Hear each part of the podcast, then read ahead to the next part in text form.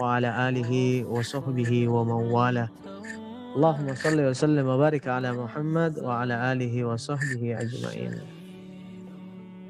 Apa kabar Bapak Ibu dan sahabat teras PPA dimanapun berada Mudah-mudahan uh, dimanapun tapak kaki kita menginjakkan bumi meng, menginjak di buminya Allah ya dimanapun kita berada apapun kondisi kita hari ini mudah-mudahan di setiap langkah-langkah itu di setiap jejak hidup kita itu di setiap bahkan tarikan nafas itu kita selalu bisa terus menemukan setiap kasih sayang dan cintanya Allah dalam kehidupan kita dan malam ini salah satunya uh, bagian dari kita bisa menemukan bahkan bisa mensyukuri dari rasa cinta itu. Malam ini akan kita spesial kita hadir di seri webinar Teras PPA dan tentunya berbarengan dengan tema yang kita tunggu-tunggu tentunya sebagai orang tua atau kita yang menjadi calon orang tua tentunya bagaimana agar kita menjadi orang tua yang didambahkan oleh anak-anak kita dan tidak uh, memberikan racun dalam pengasuhan kita gitu ya. Alhamdulillah saya uh, ucapkan selamat datang buat sahabat-sahabat dan teman-teman yang barusan bergabung malam ini. Kita jumpa lagi tentunya di webinar Teras PPA, Temu Rasa Para Pencari Allah gitu ya. Ini adalah satu wadah sharing untuk kita banyak ngobrol, banyak sharing ya wadah kajian kita bareng-bareng yang kita juga menghadirkan tentunya guru-guru untuk hadir bareng-bareng menemani kita di sini yang mudah-mudahan wasilah dari kehadiran guru-guru kita ini bisa menjadi uh, cahaya dan wasilah taufik dan hidayahnya Allah ke dalam diri-diri kita gitu ya. Izin malam ini saya Kak Yawan menemani salah satu guru sahabat tentunya. Uh, saya pribadi banyak beliau banyak belajar dari beliau sejak pertama mengenal dan bareng-bareng siar tentunya menemani umat sampai sejauh ini. Banyak beliau banyak belajar dari guru saya yang satu ini yaitu Bunda Ani yang insya Allah bareng-bareng malam ini kita akan dibersamai oleh beliau di teras PPA gitu ya. Dan juga uh, spesial di seri webinar teras malam ini kita akan bahas satu tema tentang pengasuhan tentunya. Yang ini satu tema yang kita tunggu-tunggu gitu ya. Dan izin saya uh, masih ini ya uh, berpakaian seperti ini tentunya. Alhamdulillah saat ini saya bersama guru saya juga nih Ustadz Kodar. Di nyampe di Manado. Alhamdulillah kita baru nyampe di Manado sejak kemarin uh, tiga hari bersama guru-guru para korwil uh, Dewan Syuro dan para pimpinan entitas peradaban IOA kita bareng-bareng uh, duduk bareng-bareng, banyak diskusi bareng-bareng dan juga kita bareng-bareng di satu titik cahaya peradaban dari target peradaban Yo itu 99 cahaya peradaban di Sagala Herang, Subang ya.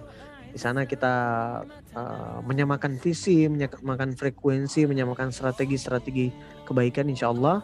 Dan ini kita akan bawa bersama dengan para korwil di seluruh Indonesia untuk uh, menemani teman-teman semuanya dengan cinta, menyambangi dengan gembira, membangun peradaban IOA insya Allah gitu ya.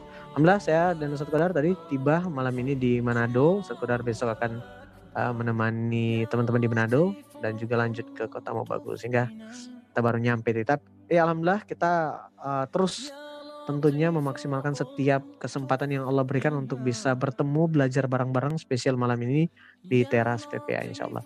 Dan buat sahabat-sahabat sekalian, uh, para ayah bunda tentunya sahabat teras maksimal mungkin ya kita uh, memaksimalkan fitur videonya sehingga kita bisa uh, belajar tentunya dengan maksimal nih. Saya sapa dulu nih teman-teman uh, yang sudah uh, nyimak dan sudah mengaktifkan videonya gitu ya. Uh, ini salah satu tanda juga makin kita antusias di webinar teras malam ini tentunya. Sambil kita absen dari mana saja yang sudah hadir nih. Ini ada Bang Andi dari Palembang, Masya Allah Ketua PPLC Palembang ya, Masya Allah. Assalamualaikum Bang Andi, Masya Allah ini salah satu guru juga, Ustadz Andi ya, coach juga nih, penggiat juga parenting luar biasa. Masya Allah ya. Nih yang mana juga nih yang hadir nih Pak Muh Najib, Masya Allah. Pak Kamaru Hazzuar, ya Masya Allah. Bu Waichan dan teman-teman semuanya dan dari mana saja yang sudah pada hadir. Oh Bandung hadir ya, Cilacap, Magelang. Wah ini. Kapan nih Mbak ke Magelang sayanya? Kuningan ya Masya Allah. Cirebon, Masya Allah. Oh Samarinda ya Bu dosen, Bunda Yuli, Masya Allah ya. Udah lama nggak ke Samarinda nih, kapan ke Samarinda lagi ya? Tegal, Cikampek, Berau, ya Gresik, Jawa Timur, Siantar, Masya Allah. Wonosobo, oh ditunggu. Ya, oh Bunda Agan dari Kota Bagu ya. Bontang Kaltim, Masya Allah ya. Sumedang, aduh barakallah nih dari Indonesia bagian timur sampai Indonesia bagian barat ya. Temanggung, Semarang, Seragen. Uh, Masya Allah. Barakallah, berkah-berkah semuanya untuk Malam ini kita bisa jumpa lagi tentunya di seri webinar Teras PPA. Alhamdulillah sudah 200 lebih partisipan yang gabung via Zoom. Biasanya semakin malam semakin ramai. Dan uh, kita hadir di Zoom ini uh, tentunya uh, menghadirkan berbagai macam tema kajian tentunya mulai dari kita membahas tentang tema tentang tauhid, inspirasi, kemudian pengasuhan ya, bisnis, kesehatan, fisik maupun psikis, kita juga membahas beberapa kali tentang sejarah dan juga ilmu fikih biasanya. Dan spesial malam ini tentunya kita akan belajar terkait dengan toxic parent. Jadi setiap kita itu mungkin ada ya bunda nih yang hadir juga ya. Setiap kita saat ini mungkin diamanahi anak gitu ya dari Allah. Dan kita juga dulu pernah jadi anak gitu ya. Dan setiap anak itu Oh gimana suara saya jelas terdengarkah? Mohon ini ada yang nanya nih suaranya kok hening. Suara saya jelas apa tidak nih teman-teman semuanya? Mohon responnya ya di kolom chat. Oh jelas ya. Oh, Alhamdulillah siap. Baik. Uh, setiap kita pernah jadi anak dan anak-anak kita itu saat ini mungkin lagi menjalani masa anak-anaknya. Dan setiap kita, setiap anak-anak kita itu berhak untuk diasuh sebagaimana yang Allah mau. Bukankah kita itu menjadi malaikat untuk anak-anak kita dan bukankah kita juga punya malaikat-malaikat dalam kehidupan kita, ayah dan ibu kita. Tapi di dunia ini banyak orang-orang ketika diamanahi anak, ketika dikasih amanah, dikasih keturunan gitu ya. Itu malah menemaninya bukan dengan cinta.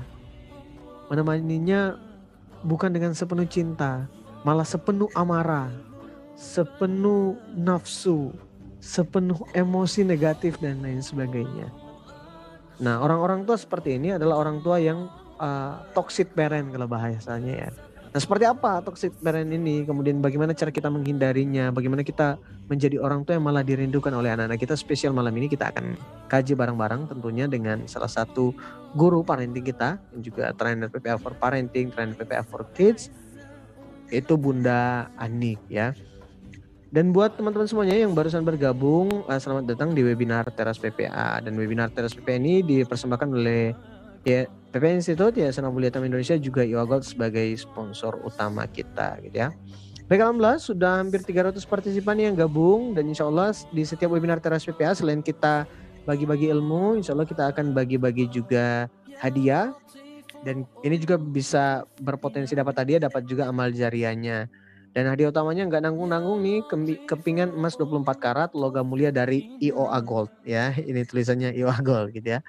Alhamdulillah uh, bagaimana cara mendapatkan door prize-nya Yawan? Dan beberapa merchandise juga intinya mudah banget Bapak Ibu adalah Anda cukup ikuti dengan penuh antusias setiap kajian webinar Teras PPA kemudian anda share di medsos Anda masing-masing baik di Facebook maupun Instagram tentang hal-hal yang mengena, hal-hal yang menginspirasi, yang Anda dapat dari dari webinar apa kajian webinar Teras PPA yang Anda ikuti, kemudian sertakan hashtag dari Teras PPA, hashtag IOAGOG, dan hashtag judul kajian kita malam ini.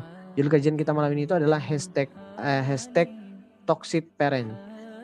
Kemudian boleh tag juga akun medsos dari PP Institute baik di Instagram maupun di Facebook gitu ya.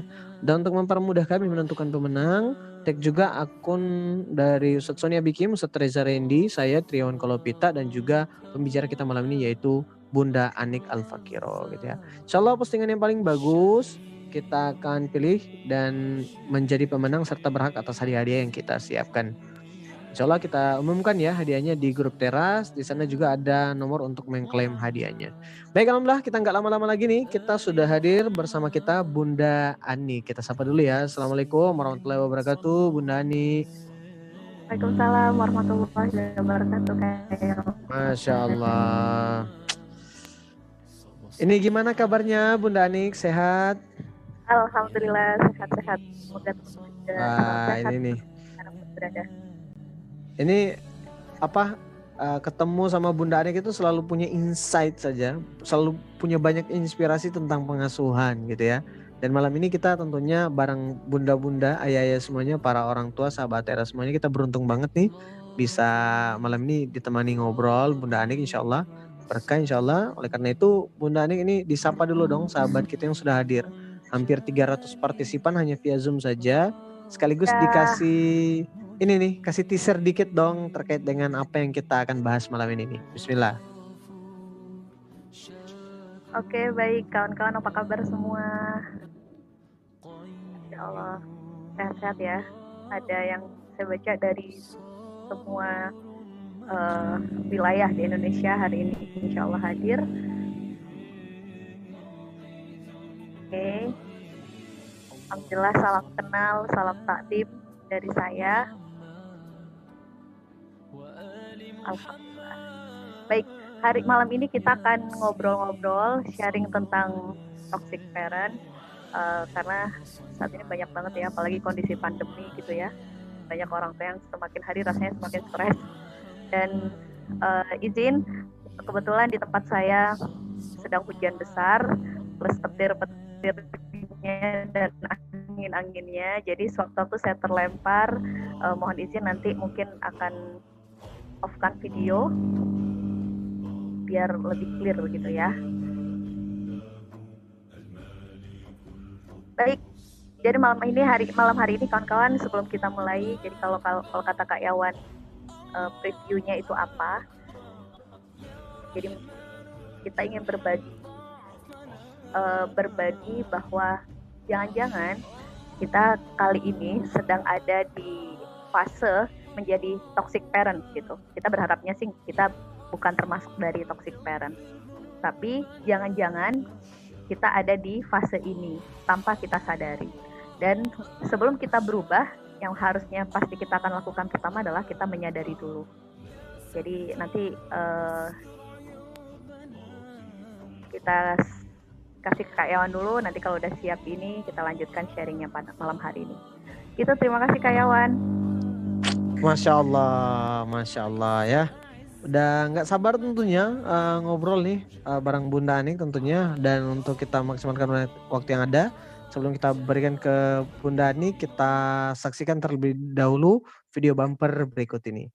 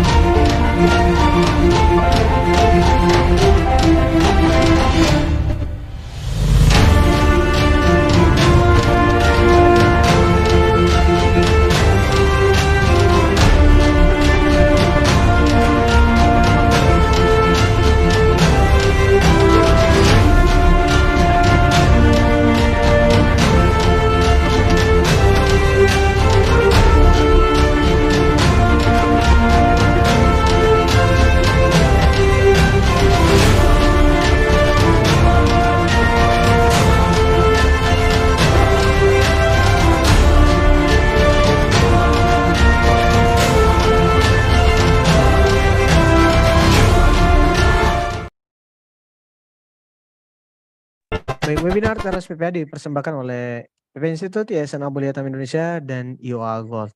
Baik, sahabat-sahabat sekalian, selanjutnya kita uh, serahkan kepada guru kita semuanya, Bunda Aning, untuk bisa menemani kita semuanya. Mudah-mudahan berkah, Allah berikan ilmu yang manfaat, penuh barokah kepada kita semuanya dan mudah-mudahan bisa jadi jalan uh, cahaya keberkahan untuk keluarga kita sehingga lahirlah anak-anak yang soleh dan soleha. Amin ya rabbal alamin. Bismillah.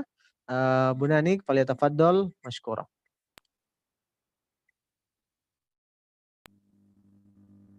Bismillahirrahmanirrahim. Assalamualaikum warahmatullahi wabarakatuh. Alhamdulillah, alhamdulillah alamin. Ala umuri waddin. Assalatu wassalamu ala asyrafil anbiya'i wal mursalin. Allahumma shalli ala sayyidina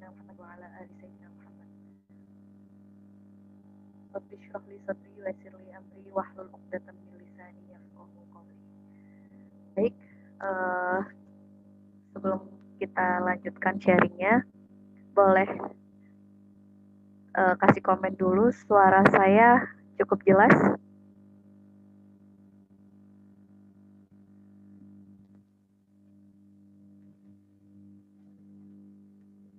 Suara saya cukup jelas ya? Kurang jelas? Alhamdulillah jelas, jelas ya. Oke, okay.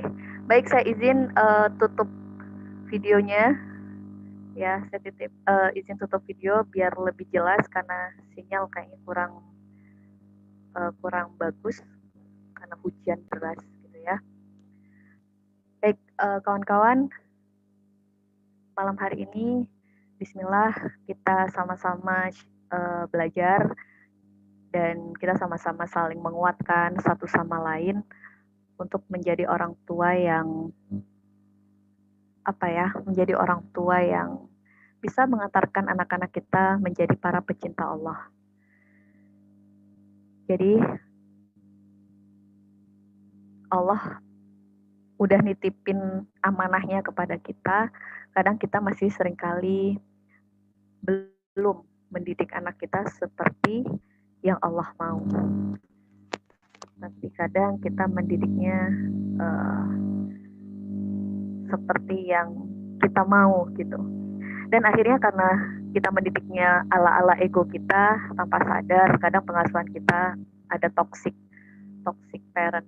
Jadi istilah toxic parent ini untuk sebuah istilah dalam psikologi yang di mana pengasuhan itu tidak sesuai, tidak semestinya. Jadi orang tua yang malah menjadi racun buat anaknya gitu ya.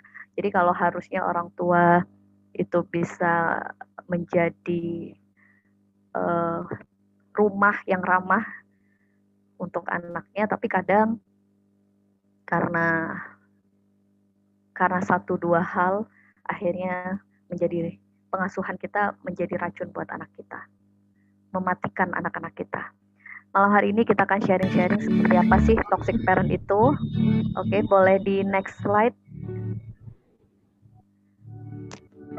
next slide dulu.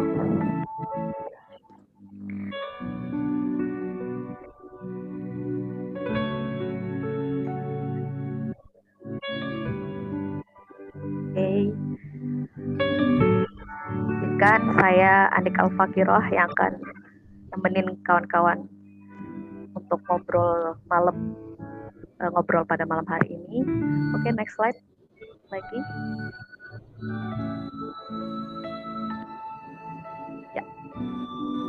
Jadi uh, toxic parent yes or no. Toxic parent ini definisi toxic sendiri sebenarnya adalah racun gitu ya. Toxic parent ini ada muncul ini istilah toxic parent dikarenakan tidak selaras.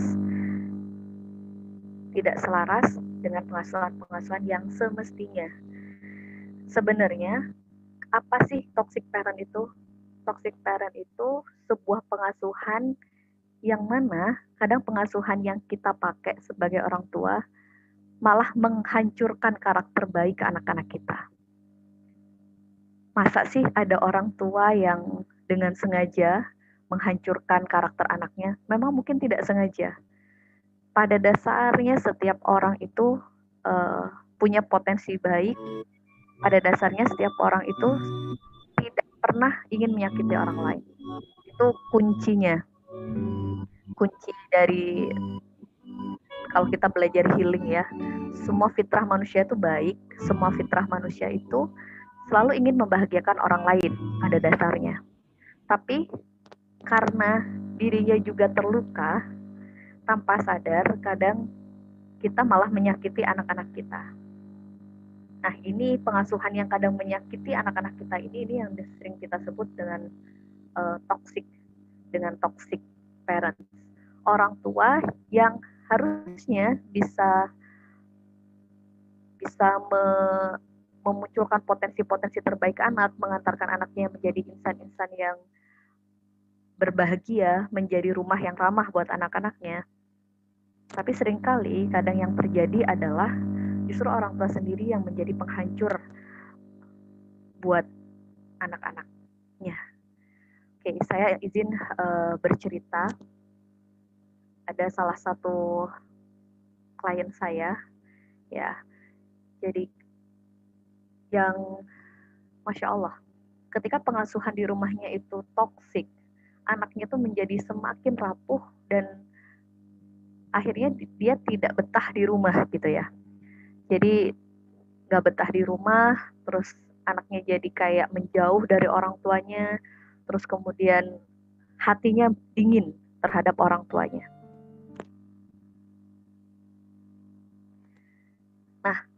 Apakah itu sepenuhnya sepenuhnya salah salah si anak kalau udah kayak gitu?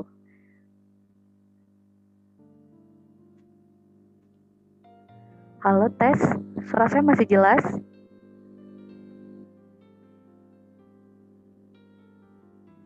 Jelas ya, oke baik. Alhamdulillah jelas bun. Ya baik. Oke ini uh, boleh diklik slide-nya. Ini ada judulnya Toxic Parent klik lagi slide-nya yes oke jadi uh, akhirnya banyak anak-anak yang nggak betah di rumah yang bukan menjadikan orang tua sebagai sahabat tapi malah menjadikan orang tuanya sebagai musuh nggak deket sama orang tua dan itu bikin nyesek banget ya suatu hari pernah uh, ada salah satu cerita, ini cerita nyata dari klien saya. Dia bilang begini, Bunda, kira-kira kapan ya mama saya mati? Kapan ya mama saya meninggal? Kebayang nggak kalau anak kita sendiri yang kita arepin bisa nanti jadi jalan akhirat kita, jalan surga kita, tapi saat kita ada pun dia tidak mengharapkan kehadiran kita.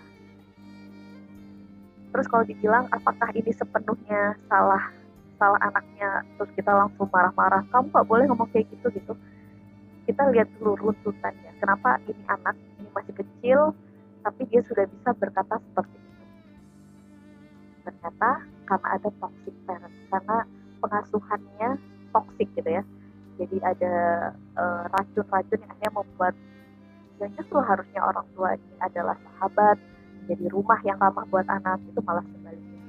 Rumah terasa menjadi neraka, dan ya Allah, itu nyesakin banget gitu ya. Jadi ibaratkan begini, kalau kita saja masih ada, kehadiran kita nggak diharapin sama anak kita, gimana kalau kita udah nggak ada? Apakah doa-doanya doa-doa anak-anak kita akan sampai ke kita atau malah setelah kita nggak ada dia ngelupain kita?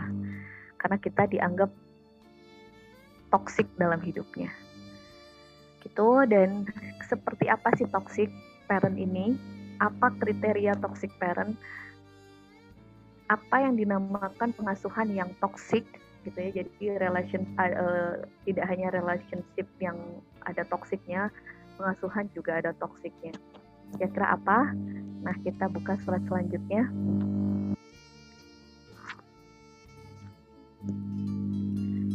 Oke. Yang pertama adalah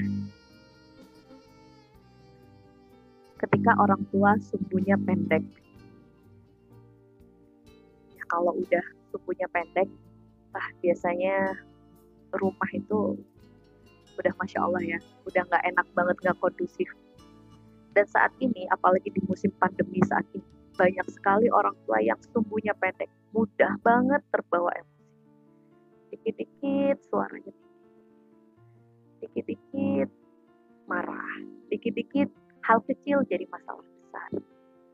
Coba ayah kita renungkan ke dalam diri kita masing-masing. Sehari ini aja, udah berapa kali kita bernada tinggi untuk anak-anak kita. Sumbu yang pendek banget.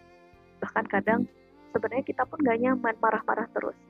Tapi kenapa sih banyak orang tua yang kadang mikirnya ya anak saya pun yang nggak bisa diatur jadi yang ada akhirnya yang disalahin anaknya lagi. Padahal kalau kita mau jernih ke dalam diri kita anak kita itu nggak salah apa-apa. Tapi memang bisa jadi kitanya yang uh, sumbunya terlalu pendek. Sumbu pendek marah itu kenapa sih jadi kalau menurut ilmu psikologi, tubuh pendek itu adalah formasi dari tubuh yang kelelahan. Jadi manusia yang kelelahan dan formasi tubuhnya sedang kelelahan, biasanya responnya adalah dia marah. Jadi kalau kita dikit-dikit marah, dikit-dikit marah, bisa jadi kita sedang lelah tanpa kita sadari. Dan parahnya, kadang kita nih parahnya, masalah yang seharusnya tidak ditimpakan kepada anak akhirnya ditimpakan kepada anak itu parahnya kadang ya jadi kayak masalah kerjaan misal kita di kerjaan lagi uh, ada masalah anak yang biasanya kita ngelihat anak kita lari-lari biasa-biasa aja tapi kan kita lagi ada masalah kita marahin dia gak jarang kadang kita bikin anak kita pelampiasan emosi kita jadi sumbu pendek itu adalah tanda sinyal dari tubuh kita bahwa formasi tubuh kita sedang kelelahan. Padahal kalau mau dipikir ayah bunda, menurut sebuah penelitian yang dilakukan oleh um, ahli positif psikologi John Goodman, beliau mengatakan 69% persoalan di dalam rumah tangga maupun di dalam pengasuhan itu adalah persoalan-persoalan yang prinsip yang mengunci. Mengunci ini dalam artian persoalan-persoalan yang persoalan-persoalan basic gitu ya. Karakter yang eh, kadang sulit dirubahnya. Jadi bahasa saya adalah bawaan orok. Jadi bawaan orok yang kadang kita malah sibuk dengan 69% sibuk mempermasalahkan, sibuk marah-marah dengan 69% yang memang itu genetik. Jadi contoh, misal kalau dalam uh, hubungan suami istri, pasangan suami istri, suami hobinya uh, makan, mulutnya berbunyi gitu ya. Kitanya marah karena menurut kita nggak sesuai sama yang kita mau. Terus anak kita cara jalannya menurut kita nggak sesuai dengan yang seharusnya kita marah. Cara mereka belajar menurut kita nggak sesuai yang seperti harusnya kita inginkan kita marah. Jadi kadang kita terjebak di permasalahan dan menghabiskan energi energi kita untuk marah, untuk berubah, ingin berubah. 69% yang sebenarnya masalah itu kunci, nggak bisa sulit banget untuk dirubah gitu. Nah ini akhirnya menguras emosi banget, formasi tubuh kita semakin lelah, tubuh kita semakin pendek. Jadi gimana caranya biar kita menjadi uh, pribadi yang lebih tenang, yang nggak terlalu mempermasalahkan, ya terima, terima, menyadari bahwa um, we are just human dan kita not perfect, nggak ada yang sempurna, dan terima apa pun kondisinya. Itu salah satu cara terampuh dengan sadar bahwa memang tidak ada yang sempurna dan menerima bahwa memang kita sama anak kita sama pasangan kita itu berbeda kadang hal-hal yang kecil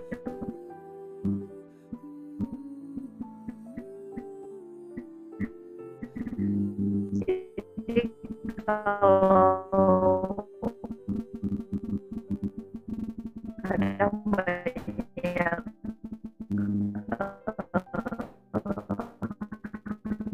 apa yang model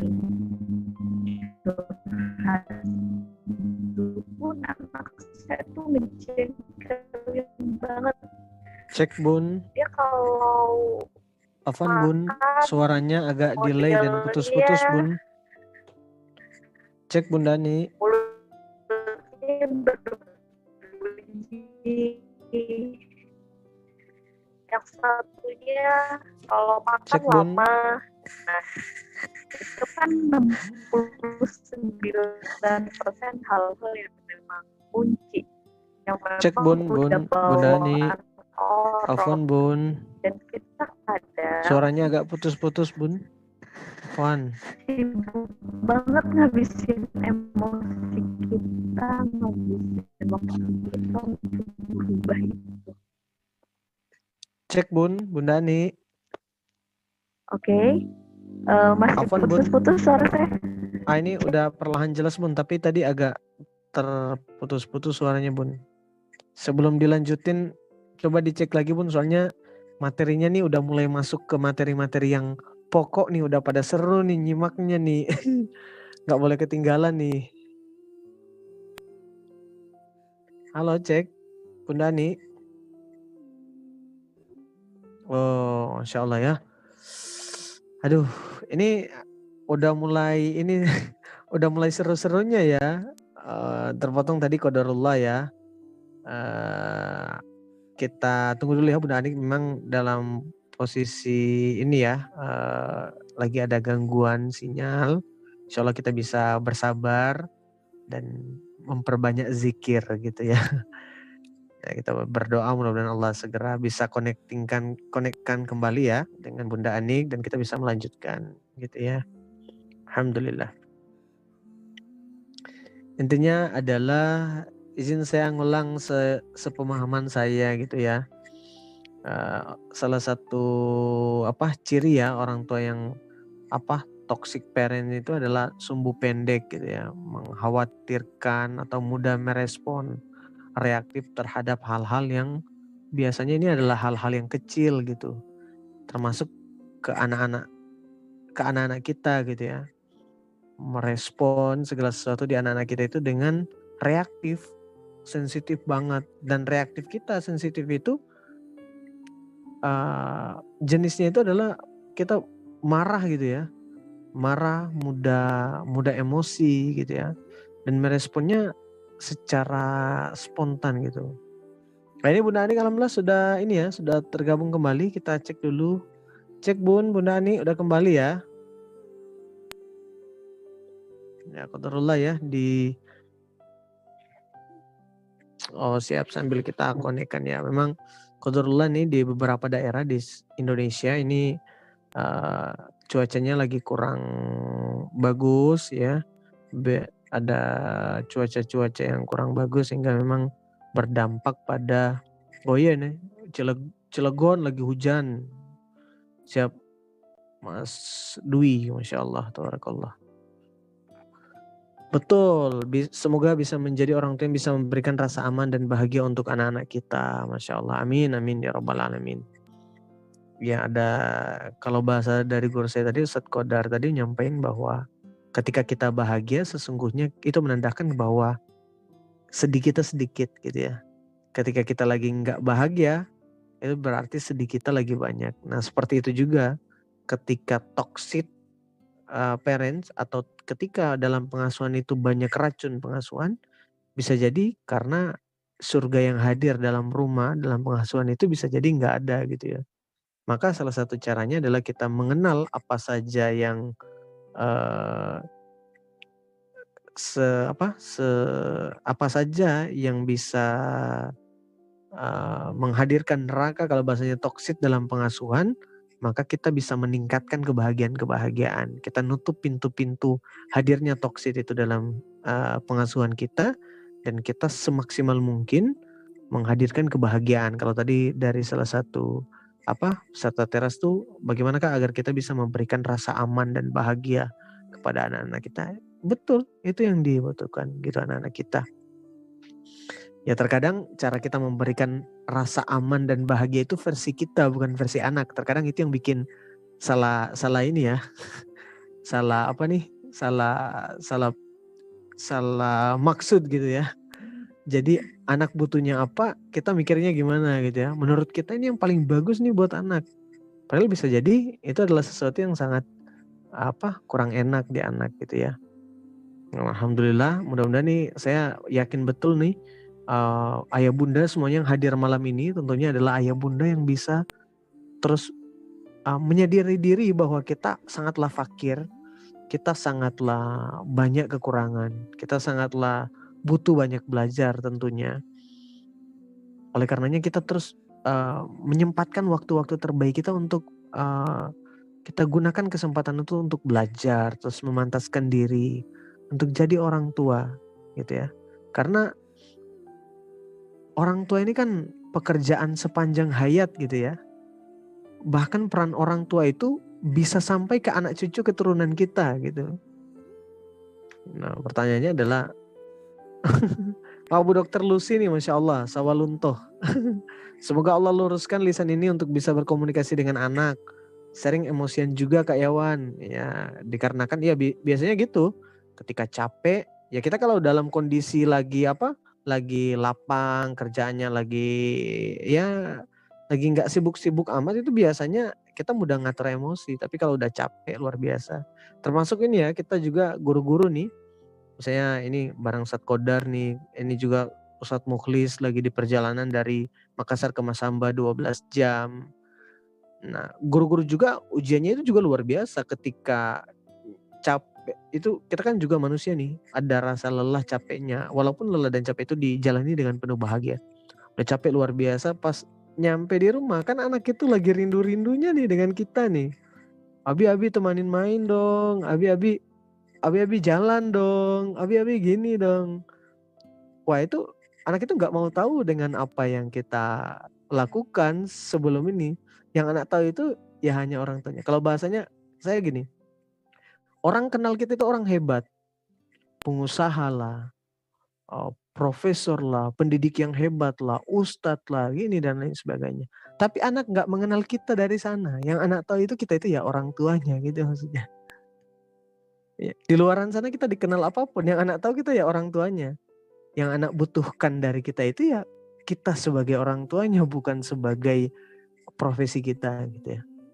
Maka hadir di hadapan anak itu hadir sebagai orang tua, bukan sebagai profesi yang apa pun. Masya Allah. Wah ini benar nih luar biasa nih. Wow ini banyak respon nih. Kita ini ya sambil nunggu Bunda Anik cek Bunda Anik. Udah hadir Bunda Anik? Masya Allah. Wah berpikir sebelum bicara. Masya Allah nih. Kayaknya enak nih kita ini ya. ngobrol-ngobrol uh, nih dengan ini ini materinya Bunda Anik, izin saya ini aja ya, nyambung-nyambung aja nih. Lagi nunggu-nunggu Bunda Anik gitu ya. Nyambung-nyambung aja ya. Oke. Cek. Cek Bunda Anik.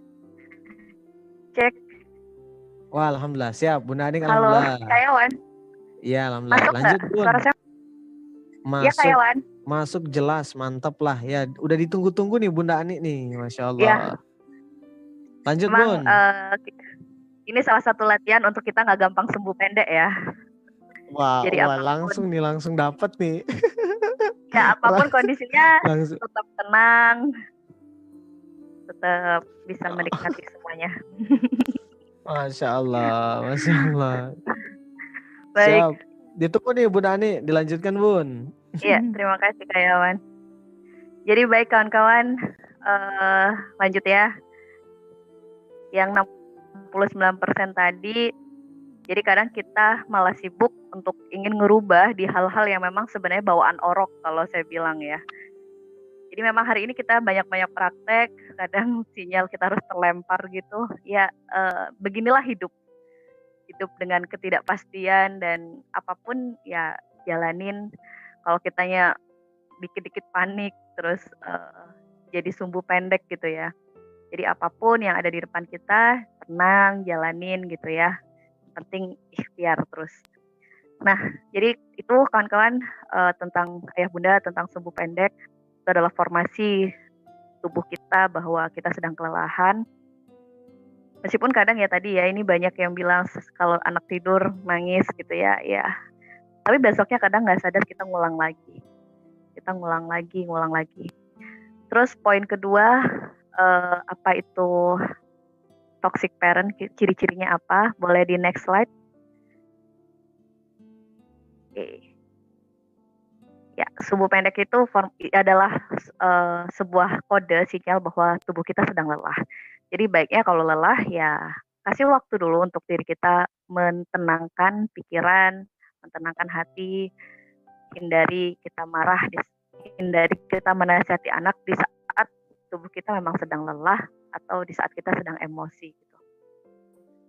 Dan tidak lagi uh, sibuk dengan 69% hal-hal atau sifat-sifat yang bersifat mengunci bawaan orok yang kadang kita terlalu ngotot ingin merubahnya tapi kita fokus kepada 31% hal-hal yang bisa kita lakukan uh, bukan hal-hal bukan hal-hal yang kayak cara makan anak, cara jalan anak uh, dan lain sebagainya yang bersifatnya emang bawaan gitu ya.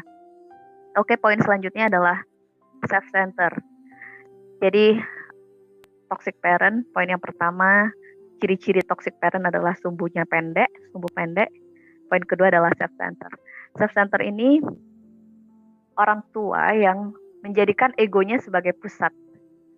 Ya, jadi apa-apa inginnya dirinya, dirinya terus. Orang tua yang model seperti ini susah sekali biasanya menerima masukan. Nah, kita nih kudu mesti sering-sering bertafakur, merenung. Jangan-jangan kita termasuk orang tua yang self center orang tua yang menjadikan anak hanya sebagai pemuas ego kita. Dalam artian, contoh nih, kita kadang nggak sadar ngikutin anak, ngelesin anak ini dan itu, ngikutin anak bimbel ini dan itu, atau kita masukin anak kita di sekolah yang number one gitu ya, yang favorit, hanya untuk mencari uh, pengakuan atas kita. Apa kita melihat anak kita nyaman atau enggak tanpa kita tahu anak kita sebenarnya ngos-ngosan atau enggak tanpa kita tahu anak kita suka atau enggak. Berapa banyak orang tua yang kadang menuangkan ambisinya kepada anak. Misal kita menjadi profesinya dokter dan kita bilang nanti kakak kalau gede jadi dokter juga. Tanpa benar-benar menyadari sebenarnya maunya Allah sama seperti itu atau enggak. Gitu ya. Jadi self center pusat egonya itu ada di orang tua. Itu uh, kemudian poin ketiga ciri-ciri dari toxic parent adalah tidak tidak tepat handle anak. Maksudnya adalah kadang banyak orang tua yang bingung anak saya harus diapain gitu. Saya suka uh, bingung ketika ada orang tua yang kadang konsultasi gitu, Bunda, anak saya murung. Bunda, anak saya udah mogok mogok sekolah gitu ya, tujuh hari atau berapa hari gitu. Terus saya tanya, oke, okay, penyebabnya apa? Ya itu bunda saya juga nggak tahu. Gitu. Kadang kita orang tua nggak bisa nggak bisa uh, ngerti mau anak itu apa, apa yang anak butuhkan kalau kita nggak deket. Kalau kita tidak menggunakan hati kita. Sama seperti ketika anak-anak e, masih kecil ya, kerangki, nangis. Kadang orang tua sampai harus marah, kamu maunya apa gitu. Padahal sebenarnya yang dia butuhkan adalah tidur. Tapi karena anak ini masih belum bisa membahasakan bahwa saya ngantuk, saya lelah, dan saya butuh tidur Kenapa kadang seperti itu? Karena juga kadang banyak orang tua yang susah menamakan emosinya apa. Akhirnya anak anak-anak pun keikut seperti itu. Jadi contoh orang tua nih lagi capek fisiknya, tapi nggak nggak ngeh nggak ngeh kalau beliau kalau diri kita sedang capek fisik, yang ada akhirnya uring-uringan terus. Begitupun anak-anak. Kadang mereka juga butuh untuk kita ajarkan menamai rasa apa yang ada pada mereka. Nah, ciri-ciri juga salah satu uh, toxic parent adalah ini handle anak nggak tepat anak cranky dikasihnya HP banyak ya yang kayak gitu ya jadi kadang anak nangis-nangis, padahal sebenarnya butuhnya tidur. Tapi orang tua karena nggak ngeh kalau yang dibutuhkan adalah tidur, dikasihnya HP. Yaudah nih, adek main HP aja gitu. Dijadikan obat penenang. kalau bahasa saya, HP adalah obat penenang buat anak. Jadi, semisal anak tantrum, cara handle-nya gimana gitu. Tantrum dipukul malah semakin menjadi-jadi. Dibeliin malah ngelunjak. Akhirnya bingung cara handle-nya gimana Nah, ini salah satu uh, juga toxic parent yang nggak tahu anak mau diapain. Kita akan bisa memahami anak, bisa memahami tangisan anak, bisa memahami kondisi anak kalau kita benar-benar pakai hati. Dan kalau kita hatinya dalam keadaan tenang. Kalau kita kondisinya juga sedang lelah atau sedang tidak baik-baik saja, biasanya akan sangat sulit memahami mau anak apa, apa yang sebenarnya sedang dia butuhkan, apa sebenarnya yang sedang terjadi dan apa yang sebenarnya sedang dia rasakan. Tapi kalau kondisi hati kita stabil, tenang, sembuh kita panjang, nggak pendek gitu ya sembuhnya, Insya Allah kita akan lebih mudah mencerna sebenarnya apa yang sedang dihadapi anak kita, apa treatment apa yang harus kita lakukan kepada anak kita. Jadi kalau uh, istilah saya adalah sebenarnya terapis terbaik itu adalah orang tua Gak usah jauh-jauh. Kita semua para orang tua ini adalah terapis terbaik buat anak kita. Tapi sekaligus penghancur karakter terhebat juga buat anak-anak kita. Sekarang tergantung kita mau memilih menjadi terapis atau mau memilih menjadi penghancur karakter. Oke, next slide. Oke, poin selanjutnya uh, ciri-ciri toxic parent itu juga suka mengontrol everything. Ya, orang tua handle. Jadi semuanya orang tua yang handle. Ini bahaya juga ayah bunda. Apalagi anak-anak sekarang ya, anak-anak Gen Z yang memang dasarnya sudah rapuh.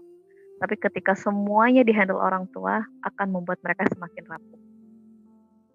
Kids need a lot of bad experience anak-anak juga butuh untuk punya banyak pengalaman buruk. Nggak apa-apa, tenang aja, nggak usah terlalu cemas.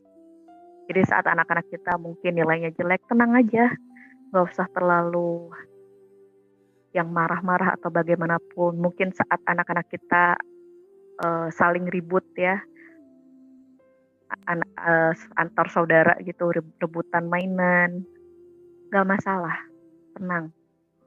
Nggak nggak melulu kita harus turun tangan. Nggak melulu semuanya kita yang kontrol. Berikan mereka ruang juga untuk belajar menyelesaikan masalahnya. Kita belajar menjadi orang tua yang bisa ngegas dan bisa ngerem dengan tepat kapan kita ngegas kapan kita ngerem kapan kita ikut andil dalam masalah anak kapan kita melihat dia bertumbuh dengan masalahnya. Jadi kadang kenapa sih orang tua milenial gitu ya mudah banget stresnya? Karena semuanya pengen dihandle. Semuanya pengen dihandle karena sekarang memang zaman serba apa-apa dipublish gitu ya. Anak kita bisa A kita publish masukin sosmed. Ngelihat anak tetangga kok udah bisa B? Kita membandingkan akhirnya kita push anak kita untuk sama seperti uh, anak orang lain akhirnya semuanya kita kontrol nah ayah bunda Bismillah kita sama-sama mulai sekarang yuk kita bareng-bareng saling ingetin untuk tobat pengasuhan. Jadi ke depan zaman semakin tidak mudah. Butuh anak-anak itu dikuatkan imunnya dari dalam rumah. Dengan cara gimana? Ajarkan mereka juga punya mental yang tangguh. Tidak tidak everything harus kita kontrol.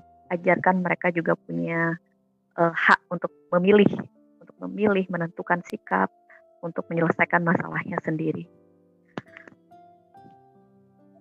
Jadi seni menjadi orang tua tuh masya Allah, benar-benar kita kudu pinter ngerem ngegas. Jadi kalau bilang uh, kadang saat ini ya kondisi pandemi diakui atau tidak, kalau banyak tugas dari sekolah yang banyak yang paling sibuk adalah orang tuanya Bener nggak ya bunda? Boleh share dong di kolom chat. Apalagi kalau tugas-tugasnya yang menyangkut nilai-nilai gitu ya. Rasanya banyak orang tua yang rasanya sekolah lagi gitu. Yang paling sibuk orang tuanya, anaknya santai-santai, orang tuanya yang riuh. Gitu. Banyak sekali yang seperti itu. Banyak ya, bukan berarti semua, tapi banyak. Ya jadi kalau mungkin 10 orang tua yang riuh itu tujuh lah ya. Yang tiganya alhamdulillah sudah mulai sudah mulai tenang, bisa memberikan tanggung jawab itu kepada anaknya. Tapi banyak sekali orang tua yang merasakan riuh banget nih. Makanya dengan kondisi pandemi ini, dengan kondisi school from home ini, akhirnya membuat uh, banyak orang tua yang sembuhnya semakin pendek gitu. Kalau dulu ketemunya hanya sekian jam, sekian jamnya dihandle oleh sekolah, tapi sekarang 24 jam bareng. Dan itu membuat kita sering kelelahan, formasi tubuh kita eh, lelah, semakin pendek sembuhnya, semakin ingin keluar ngontrolnya, semakin bingung handle anaknya. Tuh. Akhirnya jangan heran di kondisi pandemi ini semakin banyak uh, bahasanya ya tingkah-tingkah anak-anak yang yang apa ya, yang bikin miris gitu ya. Bahkan kemarin ada di salah satu kota di Jawa Timur, seorang anak, eh mohon maaf seorang ibu membunuh anaknya karena dia tidak bisa mengikuti online eh, kegiatan daring pembelajaran secara daring dengan baik. Dan itu ngeri banget tuh. Itu sampai viral uh, ibu karena ngelihat anaknya santai-santai terus akhirnya dia nggak nggak habis pikir lah kenapa ya karena ini semuanya ingin dikontrol semuanya ingin orang tua yang handle. Padahal sekali lagi, tidak semuanya harus kita kontrol. Kids need a lot of bad experience. Gak apa-apa, anak kita sesekali jatuh, gak apa-apa. Biar dia belajar lagi caranya bangkit seperti apa. Bukan berarti ketika contoh anak kita udah remaja terus putus cinta terus kita yang ngelabrak atau kita yang langsung main dukun gitu karena cinta anak kita ditolak enggak atau biasanya di sekolah-sekolah yang middle up menengah ke atas ketika anak berantem orang tuanya turun tangan langsung ngelabrak pihak sekolah. Jadi uh, itu juga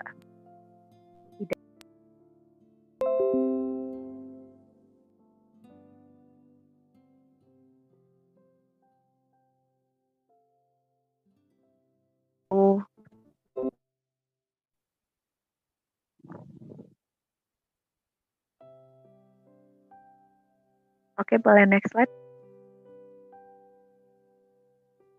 Ya, toxic parent juga salah satunya adalah uh, selalu menyalahkan.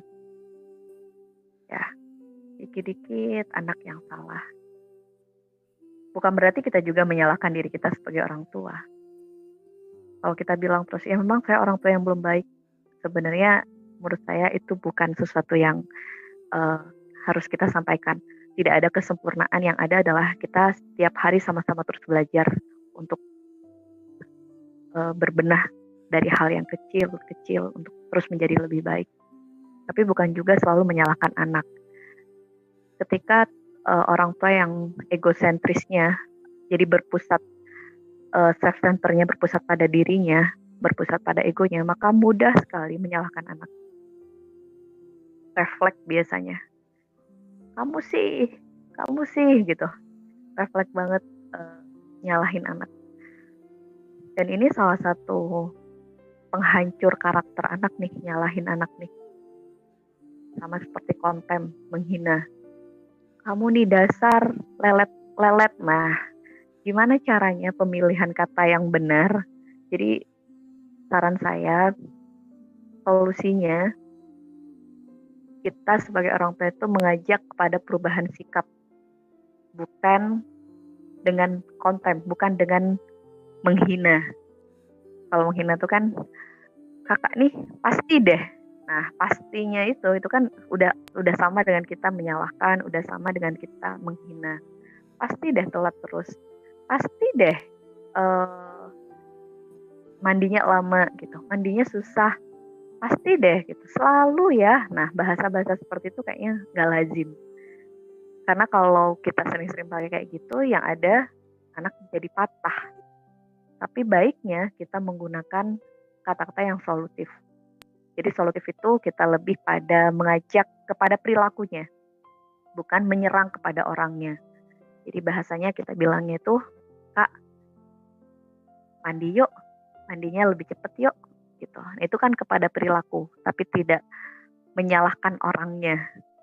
Karena bahaya ketika kita menyalahkan orangnya atau konten gitu ya. Terus kemudian juga salah satu penghancur karakter anak adalah menjudgment, menjudging dia tuh mah kalau begini nggak pernah bener. Nah, bahasa-bahasa seperti itu kadang tanpa sadar, kadang kita keluarin. Yang itu nyakitin banget buat anak-anak kita. Oke, contoh kata-kata yang solutif mengajak kepada perilaku yang kita inginkan, yang kita ingin dia lakukan. Jadi contoh kalau anak kita sulit mandi, bukan bahasanya bukan kakak nih selalu ya kalau mandi susah banget diajaknya, bukan. Itu namanya menyerang. Itu namanya menghina. Namanya menyalahkan. Tapi yang benar adalah, Kak, ayo kita mandinya sekarang uh, lebih teratur ya. Kakak kenapa nggak mau mandi? Nah, itu jadi kita lebih pada ngasih solu solusi kata-kata ajakan yang mengarah kepada perilakunya. Jadi bukan menyerang orangnya. Kalau menyalahkan itu lebih pada menyerang orangnya kamu sih gitu ya kamu sih nah itu menyerang orangnya kamu sih gitu jadi yang diserang jangan orangnya tapi perilaku buruknya yang kita ajak untuk dibenahi. Dan ini memang butuh pembiasaan untuk kita memilih diksi memilih kata-kata yang positif. Itu butuh pembiasaan. Karena apa? Karena uh, ya apa ya?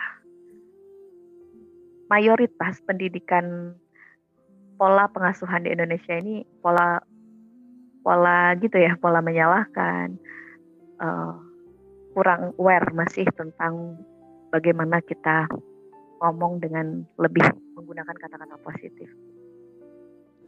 Ya jadi itu uh, salah satu tipsnya adalah ngajak dengan perubahan sikap. Jadi pakai kata kerja bukan menyerang orangnya. Itu kunci kuncian banget. Menggunakan kata kerja dan mengajak pada perubahan sikap. Bukan kita nyerang orangnya, bukan adik sih, kakak sih, gitu. Kamu sih, bukan itunya. Itu menyerang orangnya, tapi lebih pada apa yang ingin kita bangun, itu yang uh, kita sampaikan. Sikap-sikap apa yang ingin kita sampaikan kepada dia, yang kita ingin bangun kepada mereka, gitu. Oke, okay, next slide. Kemudian ciri-ciri toxic parent selanjutnya adalah sering memperlakukan anak. Nah ini bahaya banget nih, masya Allah. Apalagi kalau kita mempermalukan anak di hadapan orang lain. Hati-hati ayah bunda. Karena harus kita akui bahwa anak kita itu manusia juga. Dia bukan robot ayah bunda mereka bukan robot, mereka manusia juga, mereka punya rasa marah juga, mereka punya rasa malu juga, mereka punya rasa kecewa juga, mereka persis seperti kita. Jadi kalau ayah bunda nggak nyaman dengan marah-marah, mereka pun juga mereka pun nggak nyaman juga dengan marah-marah itu. Persis seperti kita. Kadang uh, kita cuman butuh untuk lebih memanusiakan anak-anak kita bahwa mereka adalah manusia juga yang punya rasa malu, punya rasa takut, punya rasa bahagia, punya cinta juga, punya kecewa, punya sakit, punya sedih. Persis seperti kita. Bahaya banget nih, bahaya banget kalau memperlakukan mempermalukan anak di hadapan orang lain. Ada uh, salah satu klien saya yang dulu anaknya manis banget gitu ya. Bahasanya ya manis nurut. Istilahnya orang tua ngomong A ya dia ikutlah gitu. Sampai suatu saat akhirnya berubah. Berubah luar biasa. Bener-bener berubah banget. Dan itu membuat orang tuanya kaget bingung. Kira-kira apa yang salah? Tapi orang tuanya semakin menyalahkan anak semakin anak ini berubahnya semakin uncontrol semakin tidak bisa dikontrol. Sampai akhirnya dia memutuskan diem jadi udah kayak bikin tembok Cina aja gitu ya sama orang tuanya. Udah dingin suasananya. Diajak ngomong juga keluarnya cuma sepatah dua patah. Dipeluk juga udah nggak mau kayak gitu. Ternyata setelah saya gali uh, kenapa penyebabnya? Ternyata satu nih. Anak ini merasa pernah dipermalukan di depan keluarga besarnya. Jadi waktu itu kumpul sekeluarga besar katanya terus kemudian tanpa sengaja si ibunya tuh enak ya kamu ya anak tuh begini begini begini gitu ya. Wih coba anak saya dia tuh mah orangnya gini gitu. Dan itu sempet ketawa gitu ya bahasanya jadi bahan bulian. Tanpa sadar kadang kita keasikan ngobrol akhirnya tanpa sadar menyampaikan sesuatu yang sebenarnya tidak perlu disampaikan kepada orang lain. Akhirnya anak itu merasa terciderai. Dan dia berpikir karena ini masih anak-anak ya ayah bunda. Dia berpikir begini buat apa aku baik bun? Gitu. Oh nyatanya orang tua aku meskipun aku nurutin semua maunya dia tidak pernah hargain aku. Jadi sama seperti kita ya bunda. Anak-anak kita juga butuh penghargaan dari kita.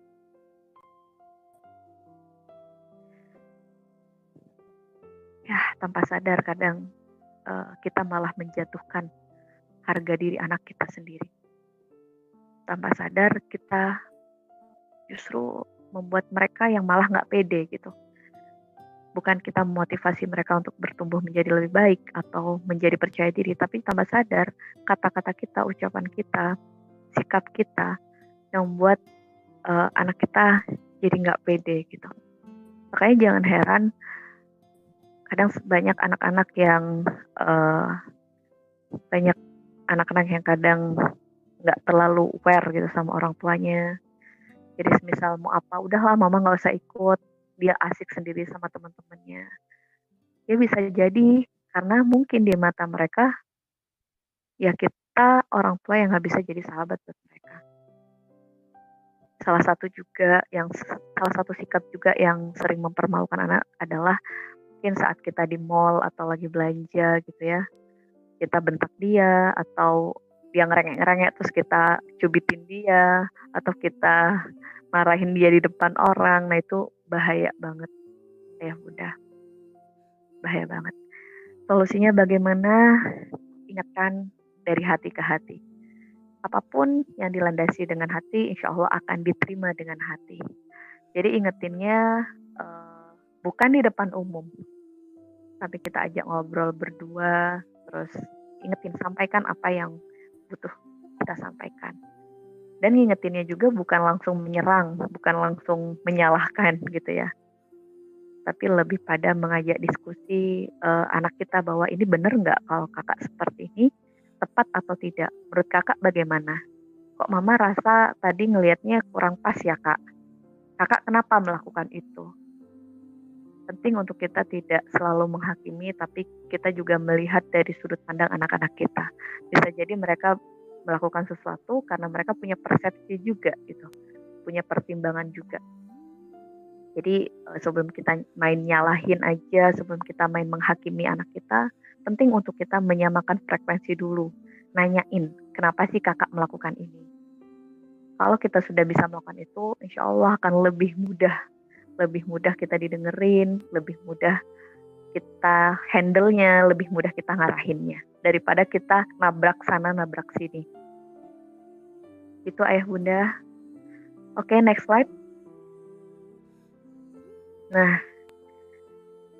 ini ya, masya Allah. Yang terakhir ini uh, ciri-ciri toxic parent yang terakhir adalah merasa bersaing dengan anak.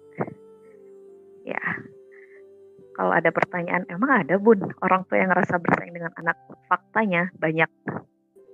Faktanya banyak.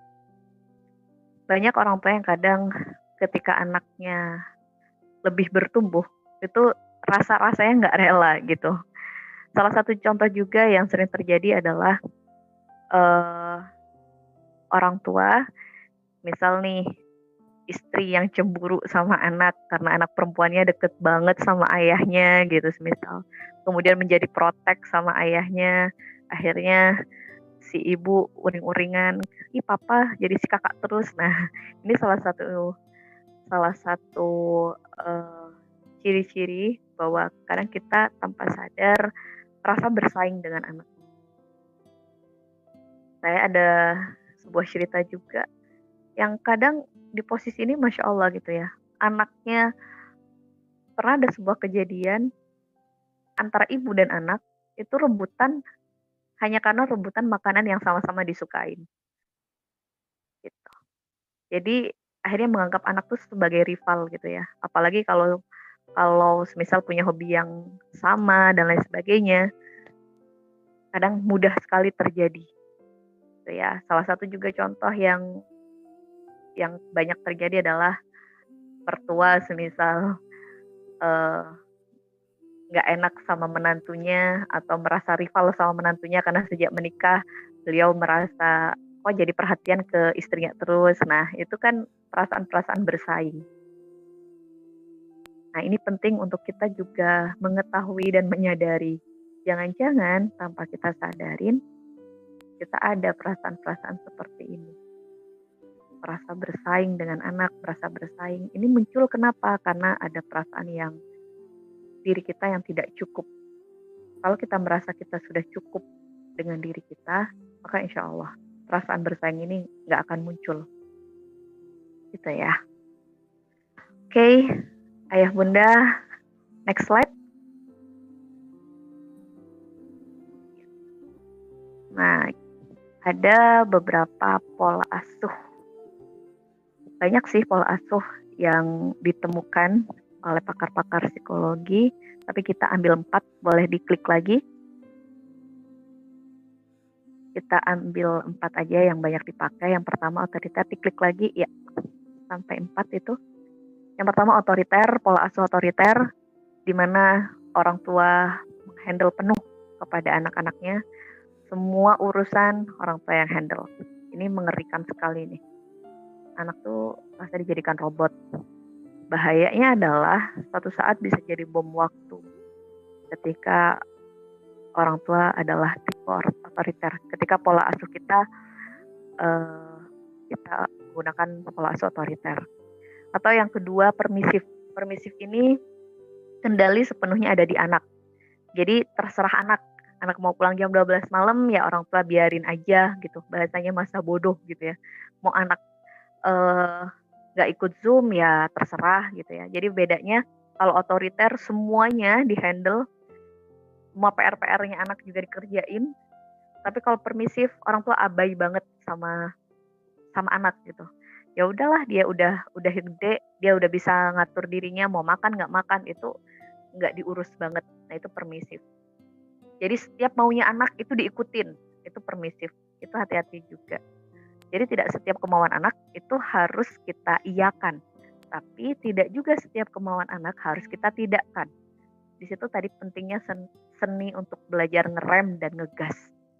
Sebagai orang tua kita kudu pinter nih kapan ngerem kapan ngegasnya. Karena ketika permisif yang ada adalah kita sedang membuat raja. Kita sedang menjadikan anak kita raja, kita sedang membuat membesarkan ego anak kita dan itu bahaya anak kita jadi akan jadi anak yang sulit banget diingetin. Kadang kenapa sih anak kita sulit diingetin orang lain? Karena kadang tanpa kita sadar, kita selalu membenarkan anak kita di depan orang lain. Jadi kondisi saat ini, kondisi pengasuhan di di zaman-zaman sekarang ini adalah kebalik ya. Orang tua cukup keras di dalam rumah, tapi cukup lembek di luar rumah Maksudnya gimana? Contoh, anak kita lagi ada masalah sama temannya. Orang tua ikut campur. Terlalu melindungi anak di luar. sehingga anak kita tidak punya mental yang cukup tangguh untuk menghadapi masalahnya di luar. Tapi ketika sampai di rumah, orang tua terlalu strength, terlalu keras sama anak. Apa-apa semuanya on control, di dalam kontrol di dalam kendali orang tua. Nah, itu bahaya banget. Akhirnya anak susah susah memutuskan salah satunya, terus kemudian bisa jadi nggak punya tujuan hidup, bisa jadi uh, dia juga bingung dengan mau dia apa gitu itu yang banyak terjadi saat ini. Pola asuh yang ideal adalah pola asuh yang demokratis. Ya, ada juga pola asuh yang cuek yang ya 11-12 sama permisif gitu ya. Nggak terlalu aware gitu, nggak terlalu nggak terlalu mikirin gitu, nggak terlalu bikin pusing. Jadi kalau otoriter kita jadi pusing banget karena ingin ngatur setiap detail dari hal anak-anak kita semua halnya. Kalau permisif uh, terserah anak. Oke, tugas orang tua saya hanya mengiyakan. Kalau cuek, nggak ngatur, nggak ngatur malah cenderung abai. Gitu ya. Yang pas adalah demokratis. Demokratis itu sesekali kita bisa jadi sahabat buat anak, sesekali kita bisa jadi teman main buat anak, kita juga jadi orang tua buat mereka. Jadi anak deket sama kita tapi tidak ngelawan. Anak deket sama kita tapi kita punya wibawa juga di di matanya. Ini uh, yang semoga next akan kita bahas ya, gimana sih caranya kita menjadi orang tua yang dekat tapi tidak kehilangan wibawa di depan anak. So, ya. Selanjutnya. Ya. Oke, boleh diklik.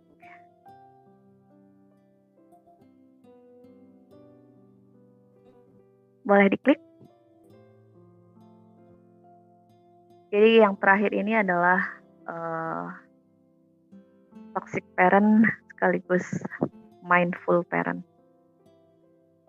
Gimana cara biar kita nggak toxic parent? Gitu ya. Caranya adalah mindful parent. Jadi kebalikan dari toxic adalah mindful parent. Kita menjadi orang tua yang menikmati, bisa enjoy, bisa menikmati dengan setiap proses uh, tumbuh kembang anak, proses jatuh bangun anak. Boleh diklik?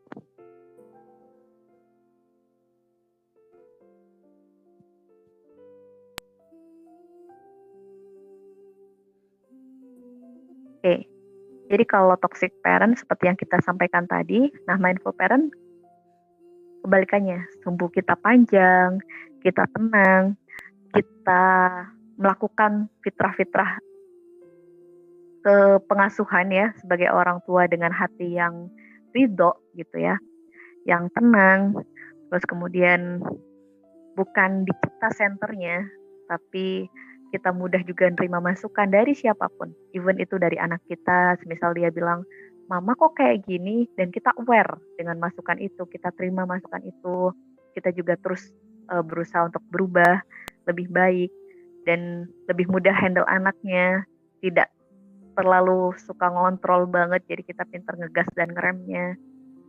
Terus kemudian kita tidak menjadi racun. Jadi mindful parents itu intinya adalah kita menjadi rumah yang ramah buat anak-anak kita dan anak-anak kita menjadi anak-anak yang strong from home anak-anak yang kuat imunitas tubuhnya dikarenakan dia mendapatkan kasih sayang yang utuh dari orang tuanya dengan pengasuhan yang mindful, dengan pengasuhan yang tenang, pengasuhan yang tepat. Bagaimana caranya kita mindful? Nah, ini ayah bunda kabar baiknya, insya Allah uh, besok pagi kita ada kelas khusus uh, untuk mindful mom jadi besok pagi jam 9 sampai jam 12 siang uh, salah satu kelas PPA for Parenting itu menginisiasi membuat kelas namanya Spiritual Motherhood. Spiritual Motherhood ini adalah sebuah kelas yang dikhususkan untuk para ibu dan calon ibu yang mana nanti akan dibimbing secara teknis. Termasuk besok materinya adalah The Mindful Mom. Jadi secara lebih rinci lagi, secara lebih teknikal lagi, gimana sih kita caranya menjadi uh, ibu atau orang tua yang benar-benar bisa tenang, tenang, sumbunya panjang. Jadi kalau tadi rata-rata permasalahan sumbunya pendek gitu ya. Insya Allah kalau kita sumbunya panjang, everything will be okay. Semuanya akan baik-baik saja gitu. Jadi uh, pusatnya memang bergantung ada di kita, bukan pada anak-anak kita. Sama seperti kalau kayak kita jalan, terus kemudian kita melihat di luar kotor, belum tentu yang sebenarnya di luar kotor. Bisa jadi kaca yang kita pakai, kacamata kita, atau kaca yang mobil kita yang sedang kotor, akhirnya terlihatnya yang di luar sedang kotor. Gitu ya.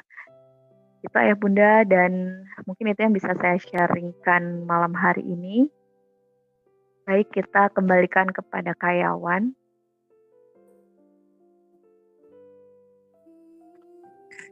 Masya Allah, wa tabarakallah, ya, Alhamdulillah. Kita kembalikan kepada karyawan. Gimana bunda-bunda dan ayah bunda semuanya ini hampir 400 partisipan hanya via Zoom saja. Masya Allah nyimak terus nih sampai selesai sesi sharing dari Bunda Anik. Masya Allah. Bagaimana caranya untuk bisa ikut kelas besok ya? Nanti mohon bantuannya Mas Admin nanti di akhir juga nanti kita akan share infonya. Tapi bunda-bunda semuanya ini kira-kira manfaat nggak materi yang disampaikan Bunda Anik tadi kasih satu kata dong yang bisa mewakili tentang materi yang diserkan sama Bunda Anik tadi, Masya Allah ya. Oh manfaat banget, barakallah ya. Daging, manfaat banget banget lah, Masya Allah. Dahsyat, Masya Allah. Manfaat banget ya. Jadi intinya adalah uh, seperti yang saya sampaikan tadi, ketika kita ingin bahagia itu ada dua caranya. Kita singkirkan penderitaan, maka akan memperbesar peluang kebahagiaan. Begitupun bagaimana cara kita untuk melapangkan sesuatu, maka persempitlah apa? selesaikan kesempitan yang ada. Begitupun sebaliknya, bagaimana kita ingin agar keburukan itu berhenti mengikuti kita, habis-habiskanlah waktu kita untuk melakukan kebaikan dan persempit pintu dari keburukan itu sendiri. Dalam keluarga gitu, bagaimana kita menghadirkan pengasuhan yang terbaik, bagaimana kita agar bisa kalau bahasanya uh, pengasuhan kita itu bisa pengasuhan yang kalau kata Bunda Anik tadi itu orang tua bisa jadi rumah bagi anak-anaknya. Ya, intinya adalah kita mengenali betul apa saja toxic parent itu. Jadi racun pengasuhan itu apa saja dan kita hindari betul-betul kita hindari betul-betul. Kemudian bagaimana kita terus menumbuhkan kebaikan-kebaikan dalam pengasuhan. Yang insya Allah dengan itu, bagaimana cara menumbuhkan apa kebaikan-kebaikan dalam pengasuhan itu? Ya kebalikan dari toxic parent tadi. Kalau biasanya sumbu pendek, ini perpanjang sumbu kita kalau bahasanya perbanyak. Kalau sebelumnya ngelihat kejadian di anak itu langsung responsif ya, sensitif orang tuanya dan terkadang reaktif. Nah, sekarang tuh lihatnya itu boleh saja, lihatnya pelan gitu. Minta dikonfirmasi kalau bahasanya Bunda Ani tadi. Nah detailnya saya nggak tahu betul gimana detailnya tuh wajib tuh ikut kelas besok gitu ya. Mindful bareng-bareng lah kita jadi orang tua yang mindful besok bareng-bareng tuh. Bareng Bunda Anik recommended banget lah Masya Allah kalau Bunda Anik bahasanya. Ini segini aja itu baru sejam aja kita bahasnya udah banyak banget yang kita bisa praktekkan. Intinya gitu ya.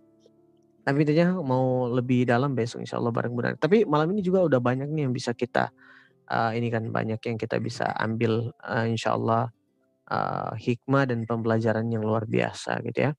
Baik Alhamdulillah syukuran Bunda Ani. Nanti insya Allah kita akan buka sesi diskusi. Mau nggak kita sesi diskusi nih? Satu dua penanya lah, nggak banyak-banyak. Kalau mau kalau mau sesi diskusinya panjang besok insya Allah ya. Bareng Bunda Ani gitu. Baik, uh, sebelum kita sesi diskusi bareng Bunda Ani, kita udah sering sampaikan bahwa di seri webinar Teras PPA selain kita dapat ilmunya, insya Allah kita juga bisa dapat jariahnya sekaligus dapat hadiahnya. Dan hadiahnya nggak nanggung-nanggung, emas 24 karat, logam mulia dari Oa Gold. Nah, uh, malam ini kita akan ini ya, uh, umumkan terlebih dahulu pemenang uh, resume terbaik dari kajian teras PPA sebelumnya bersama Ustadz Sonia Bikim dan Ustadz Muslim uh, dengan tema menemukan rasa dalam sholat part 2 part 2 dan ini akun Instagram selamat yang pemenang uh, pertama ini akun Instagram atas nama Maisaras. Masya Allah ya. Ini berhak mendapatkan logam mulia emas 24 karat dari UOA Gold. Kemudian pemenang kedua atas nama Tesa underscore HS ya. Selamat buat teman-teman semuanya yang sudah mendapatkan hadiahnya. Insya Allah juga resumenya juga bermanfaat. Jadi juga jariah buat teman-teman semuanya. Dan insya Allah hadiahnya juga jadi satu motivasi yang luar biasa. Dan di teras PP ini sudah ada teman-teman yang udah dua kali, tiga kali dapatkan hadiah-hadiahnya nih karena rajin-rajin buat resume tentunya. Nah, buat teman-teman nih yang tanya terkait dengan apa uh, kelas besok bareng Bunda Anik via online ya, via Zoom insya Allah bareng Bunda Anik The Mindful Mom, insya Allah ya bagaimana menjadi ibu yang mindful, insya Allah gitu ya. Nah ini udah ada informasinya insya Allah buat para bunda-bunda semuanya itu nanti mungkin bisa di share ya Mas Admin mungkin uh, apa Ah, ini ada ceweknya nih sudah di-share di kolom chat yang ada nih sudah di-share nih insya Allah. Juga nanti kita akan share juga di grup. Uh, tinggal diklik aja. Oh ini sudah di-share Mas Admin lagi nih. Tinggal diklik aja tuh ininya. Oh ada nih bu apa nih? Udah ada yang join ya untuk besok nih. Raka Syaki Harfian, masya Allah, udah udah sih udah tinggal ikut kelasnya besok, barakallah. Baik, silakan kita berikan kesempatan untuk satu dua penanya untuk bisa uh, sharing bareng Bunda Anik malam ini ya. Ini udah ada raise hand atas nama Bunda Ita dari Solo. Silakan kita unmute dari sini ya, langsung ke Bunda Anik to the point, singkat, padat dan jelas. Bismillah. Assalamualaikum. Cek. Assalamualaikum. Waalaikumsalam warahmatullahi wabarakatuh. Ya, terima kasih Kak Yawan uh, kesempatannya dan Siap. Uh, saya mohon izin Bunda Ani untuk uh, sedikit bertanya ya dari yang Boleh, alami tentang uh, toxic parent. Uh, saya pernah mengalami beberapa waktu yang lalu itu juga toxic parent yang saya hasilkan buat anak saya. Tapi insya Allah setelah uh, saya sadar itu bisa saya uh, healing, maksudnya saya klarifikasi ke anak saya. Dan apa yang disampaikan Bunda Ani tentang persaingan tadi ya uh, orang tua yang uh, merasa tersaingi oleh anak itu juga uh, memang benar terjadi. Setelah saya apa ya renungi itu mungkin karena toxic parent dari yang sebelumnya dari mbahnya kayak gitu ya. Uh, kalau untuk uh, orang tua untuk menghilangkan atau langkah-langkahnya itu seperti apa ya Bunda ya? Uh, untuk bisa mengklarifikasi kembali ke anak bahwa uh, apa tindakan orang tua itu sebenarnya tidak bermaksud seperti itu. Biar anak yang ganti memaklumi begitu loh Bunda. Karena kan Masya yang, Allah. yang tua itu kan juga lebih sulit ya. Kalau anak-anak lebih bisa dipahamkan, tapi karena itu sudah tua itu bagaimana tekniknya. Walaupun kita sebenarnya sudah terima Bunda, karena itu tadi udah kawan bayi lah kalau di Solo itu bahasanya. Dan kita harus terima tapi kan juga harus ada perubahan bunda paling tidak buat anak-anak untuk menghiling kemarin luka-luka batin yang timbul karena uh, tindakan dan sikapnya itu. Itu Masya aja Allah siap. Matur suwun untuk uh, pencerahannya. Assalamualaikum warahmatullahi wabarakatuh.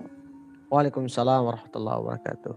Bunda Ani cek dapat ya poin ya, ya. pertanyaannya Bun oke okay. siap siap jadi maksudnya adalah bagaimana ini saya simpulkan dulu takut eh, nggak uh, sama maksudnya. Jadi maksudnya adalah bagaimana agar anak-anak bisa memaklumi uh, neneknya gitu ya, neneknya gitu nggak sih? Ayahnya, Atau orang tuanya? Orang tuanya. Oh gitu. ayah. Oh, Karena ayahnya. kemarin dari mbahnya kan gitu. Oh gitu. Memang gini bun, uh, memang saat apa ya bahasanya ya begitulah kadang kita mewarisi pola pengasuhan yang kurang tepat. Bagaimana biar anak memaklumi? Nah, karena ini parenting, parenting itu bukan childrening. Jadi kalau parenting itu siapa yang berubah? Ya kita orang tua. Kalau childrening itu kan uh, kadang banyak sama ini yang ya anak yang harus berubah, ya anak dong yang harus ngerti. Nah, itu dibalik tuh. Gimana caranya ini? Caranya adalah Bunda mungkin butuh untuk mengkomunikasikan sama suami agar juga suami mau menghealing. Tapi mengkomunikasikannya bukan bukan menyalahkan. Kadang banyak kenapa banyak para ayah ini ya. Uh, nanti mungkin ada kelas fatherhood ya sama kayawan. Jadi kenapa banyak ayah yang koma pengasuhan karena gimana mau terlibat pengasuhan kalau dimarahin terus sama istrinya. Kalau istrinya sembuhnya oh, pendek terus. Dalam gitu ini ya. nih, dalam ini nih, dalam nih bahasanya Bunda Anik nih. Mantap Jadi nih. gimana para para ayah mau terlibat pengasuhan kalau istri begitu banyak para ibu yang dominan di keluarga. Dikit-dikit hmm. uh, mama, dikit ibu terus kemudian tinggal nyalain kalau udah nggak bisa handle terus langsung bilang ayah sih kayak gini kerjanya. Nah akhirnya gimana ayah mau ini kalau kitanya hanya meng kontem atau mempermalukan suami kita di di depan anak-anak kita justru. Ya nanti mungkin insya Allah akan next ada kalau ini ada spiritual motherhood nanti ada fatherhood spiritual fatherhood oleh kakak-kakak hmm. ini ya. Jadi belajar parenting untuk para ayah. Dan saya yakin sekarang udah mulai banyak uh, para bapak, para hmm. suami yang aware. Caranya gimana bun? Caranya ajak ngobrol berdua bangun visi misi pengasuhan bersama. Keluarga ini mau dibawa ke mana? Itu penting untuk kita mengkomunikasikan kepada suami kita, pasangan kita, terus sampaikan, Mas, kalau memang ayahnya digituin sama neneknya, jadi kita tinggal bilang, Mas, Mas itu kan waktu kecil digituin, nyaman enggak? Gitu aja dulu ngobrol ya. Ya enggak lah, saya tuh merasa kayak gini-gini. Sadar nggak kadang kita sering melakukan itu sama anak-anak. Jadi lebih pada kayak ngobrol gitu ngobrol dulu. Jadi bukan kita nyerang, bukan kita langsung minta memaksa suami kita berubah. Tapi bangun kesadarannya dulu, itu Bunda. Itu ya, tapi satu sih yang catatan uh, yang biasanya sering ini ya, dimulai dari kita sendiri dulu, Bun. Mau apa pun hmm. itu dimulai dari kita diri kita sendiri dulu. Jadi siapa yang harus beres dulu? Kita. Kita. Masya Allah. Masya Allah ini dapat pencerahan yang luar biasa nih dari Bunda Ani. Tinggal dipraktekin doang Bun. Jadi dimulai dari kita kemudian kalau kita bicara pengasuhan bareng suami kita ya kita ajak dengan tentunya bahasa yang hikmah ya tentunya dengan kasih sayang juga. Karena apalagi setiap kita itu membawa luka-luka pengasuhan masing-masing nih ya. Yuk terus belajar bareng-bareng kita terbebas dari luka pengasuhan dan nggak juga uh, apa menurunkan itu ke anak-anak kita gitu ya. Dan kalau mau libatin suami tuh tadi pesan dari Bunda Ani jangan selalu dimarahin tuh suami di depan anak-anak gimana dia anak-anak pengen contohin ayah dan ibunya kalau yang dia lihat saja udah nggak bisa ditiru gitu kan. Nah itu tuh jadi satu hal. Jadi kalau bahasa dari guru kita itu apa hadiah paling terbaik dari orang tua ke anak? Ada yang bilang, oh kasih sepeda kak, apa hadiah terbaik dari orang tua ke anak? Kasih handphone kak? Apa hadiah terbaik dari anak? Kasih ini, kasih ini, kasih ini. Enggak, semuanya salah. Hadiah terbaik dari orang tua ke anak itu satu. Jagain kehormatan pasangan satu sama yang lain. Udah gitu. Itu hadiah yang paling mahal tuh. Nah, alhamdulillah tuh Bunda Adik uh, bisa uh, ngasih yang luar biasa nih malam ini untuk kita bisa belajar bareng-bareng nih, masya Allah. Baik, uh, ada lagi nih uh, yang satu aja ya, the last question. Ini nggak ada yang resen tapi di kolom chat banyak nih pertanyaannya, makanya kita apa nanya jadi ini ya. Nah, ini nih Bunda Anik nih. Iya. Ini yang paling ini nih Bunda Anik nih kasih dong uh, bocoran nih Bunda Anik gimana nih kondisinya kalau kita mau mendidik anak seorang diri gitu loh kalau bahasanya. Kalau bahasa dari salah satu guru parenting saya, salah satu dari apa orang tua itu, entah ayah ataupun ibu itu di ICU. ICU itu bisa ada dua. ICU itu bahasanya benar-benar di, udah divorce kalau bahasanya udah divorce, divorce dalam ICU di sini itu bukan bukan bentuknya ICU yang sebenarnya.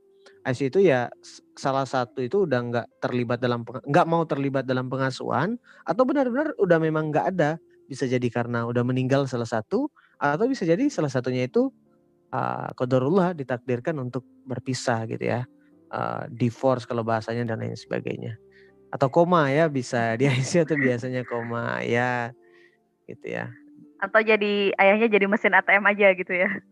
Ah ini nih apa nih? Ini ah, ini mohon penjelasan nih mesin ATM apa nih? Coba ya gimana Bunda nih? Oke baik. Uh, sekarang memang banyak ya para ayah yang lagi koma, lagi pingsan uh, dan apa? Hanya jadi mesin ATM kalau saya bilang. Jadi cuman berpikir bahwa tugasnya adalah kerja, masih duit, udah cukup gitu. Tapi alhamdulillah sih uh, sejauh ini setelah kita banyak ngisi kelas parenting, alhamdulillah semakin ke sini kelas-kelas parenting semakin banyak sama isi ayah gitu. Alhamdulillah semakin Masya banyak. Ya kapan hari itu saya juga ngisi lumayan banyak. Ayahnya hampir 50-50 sama para ibu-ibu gitu. Kalau dulu biasanya cuma ibu mama aja ya yang kelas parenting sekarang udah mulai banyak ayahnya. Nah gimana nih kalau pengasuhannya hanya sebelah? Sebelah itu pun uh, gini, kita belajar dari dari Rasulullah.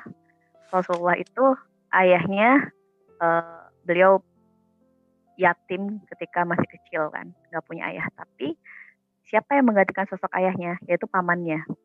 Jadi bahasanya nggak pas, nggak masalah ketika mungkin saat ini suami kita masih belum mau terlibat, tapi usahakan anak kita tidak kehilangan sosok. Bisa dari kakeknya, bisa dari pamannya. Bahasanya ada seseorang yang bisa kita ajak ajak diskusi untuk terlibat pengasuhan dan atau profiling. Jadi ada sebuah penelitian seorang anak itu uh, sebuah penelitian seorang anak di mana di sebuah komunitas, sebuah daerah yang di situ banyak banget kriminalnya. Nah, anak-anak di sana rata-rata pastinya akan meniru kriminal yang orang tuanya lakukan. Tapi ternyata waktu itu banyak sekali ah, tenaga psikologi yang turun untuk mentreatment, melakukan ini dan itu. Ternyata hasilnya sedikit. Meskipun udah diterapi kayak apa pun, itu hasilnya hanya sepersekian aja yang bisa berubah gitu. Tapi ternyata yang lebih efektif adalah menghadirkan sosok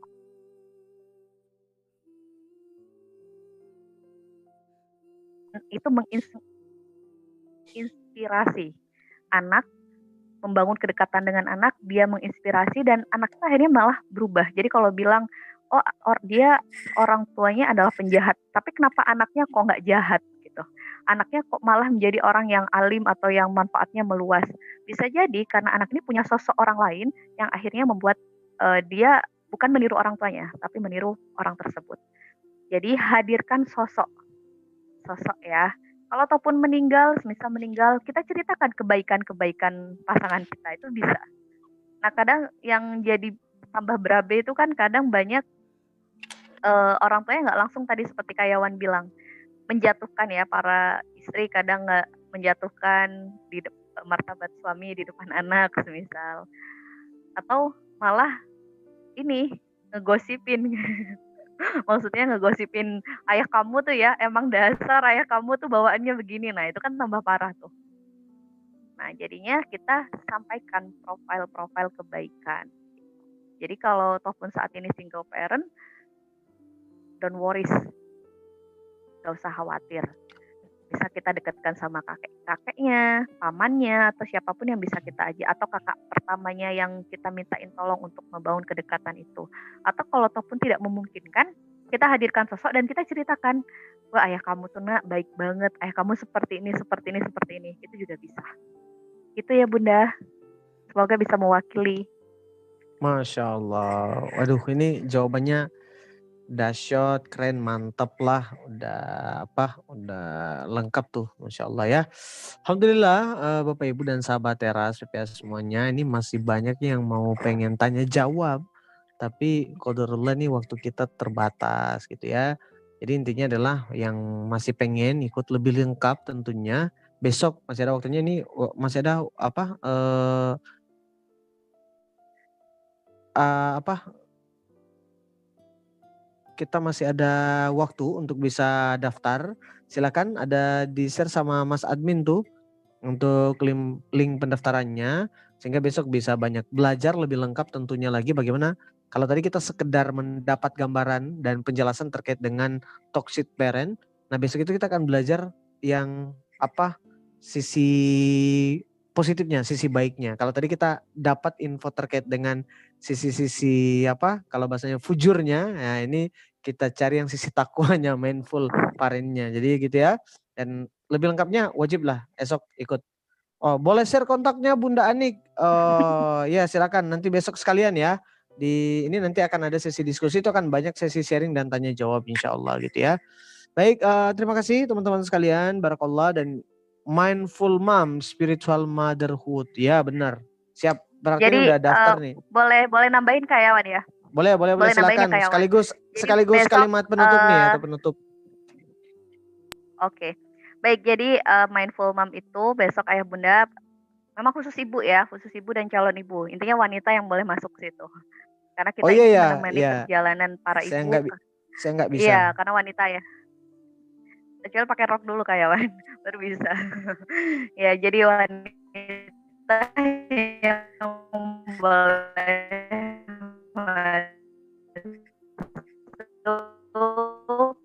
ibu atau calon ibu. Kenapa?